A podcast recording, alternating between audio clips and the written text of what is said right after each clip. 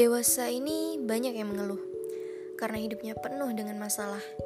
Banyak yang menjerit karena dijerat oleh hutang, banyak yang sedih karena memikul beban dosa masa lalu, banyak juga yang hampir mati karena perkara rumah tangga.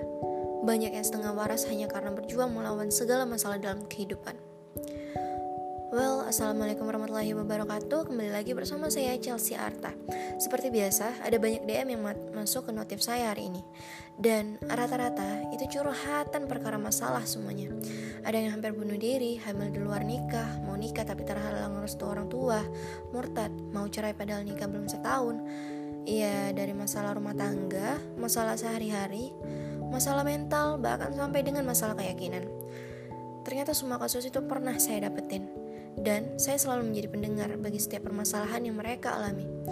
Di sisi lain, kalau tidak semua orang mau dan bersedia menjadi pendengar, tetapi berbeda dengan saya. Terkadang jika kasusnya cukup pelik dan rumit, mau tidak mau bahkan seharusnya harus mau dan harus saya dengarkan. Karena apa? Karena pertama, di sisi lain, saya juga butuh pengalaman mereka sebagai pembelajaran. Dan kedua, barangkali melalui lisan dan tulisan kita bisa menjadi wasilah bagi orang lain dalam menjemput kebaikan. Karena di saat uh, pengalaman kita menjadi pelajaran bagi kita sendiri, kita juga harus belajar dari pengalaman orang lain. Nah, di saat pengalaman adalah guru terbaik, maka dari itu pengalaman orang lain juga menjadi guru terbaik bagi kita juga. Dari semua masalah, ternyata sumber penyebabnya hanya satu. Apa pun masalahnya, mulai dari hampir cerai rumah tangga, putus cinta, hamil di luar nikah, hampir hampir murtad atau bahkan sampai masalah dililit hutang sekalipun. Sumber sumber penyebabnya ya cuma satu. Nah sekarang coba tanyakan pada diri sendiri. Sebelum semua masalah itu datang menghampiri sebelum semua masalah itu datang merusak akal serta kewarasan kita sebelum semua masalah itu datang merusak kedamaian di hidup kita pertama-tama coba tanyakan kepada diri kita sendiri. Tanyakan kepada diri kita sendiri. Selama ini Sejauh ini, bagaimana hubungan kita dengan Sang Pencipta? Sudahkah kita sering menemui panggilannya? Sudahkah ibadah kita sempurna seperti apa yang diperintahkan? Sudahkah kita menjauhi larangan yang diperintahkan oleh Tuhan? Well, jika belum dan jawabannya adalah belum semuanya, maka pantas jika hari ini kita diberi masalah. Maka dari itu, jangan mengeluh, tanggung, tanggung sendiri masalahmu. Karena salah satu kunci untuk memperbaiki hidup dan kehidupan kita ialah pertama dengan menegakkan sholat. Kalau sholat saja tak mampu kita tegakkan, bagaimana pondasi kita bisa berdiri kuat menopang segalanya? Iya, yang ada malah runtuh. Seseorang yang dekat dengan Tuhannya selalu mengerjakan perintah Tuhannya, menjauhi larangannya boleh dilihat bagaimana sikap dan responnya dalam menyikapi suatu masalah. Ia tenang, tidak gundah maupun gusar karena ia tahu di saat ia ditimpa masalah kuncinya cuma dua. Yang pertama itu adalah ujian karena Allah mau mengangkat derajatnya. Yang kedua adalah salah satu di antaranya ialah karena hubungannya dengan Allah mungkin mulai menjauh.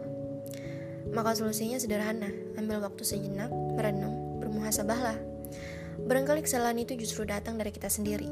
Karena jika menurut Quran dalam surah An-Nisa ayat 79, segala sesuatu yang baik datangnya dari Allah dan segala sesuatu yang buruk termasuk keburukan datangnya dari diri sendiri atau manusia itu sendiri. Contoh, Jikalau menilik fakta di lapangan, 94% kasus perceraian disebabkan oleh masing-masing dari suami dan istri yang tidak pernah menegakkan sholat. Alhasil, Allah timpakan ujian atas pernikahannya.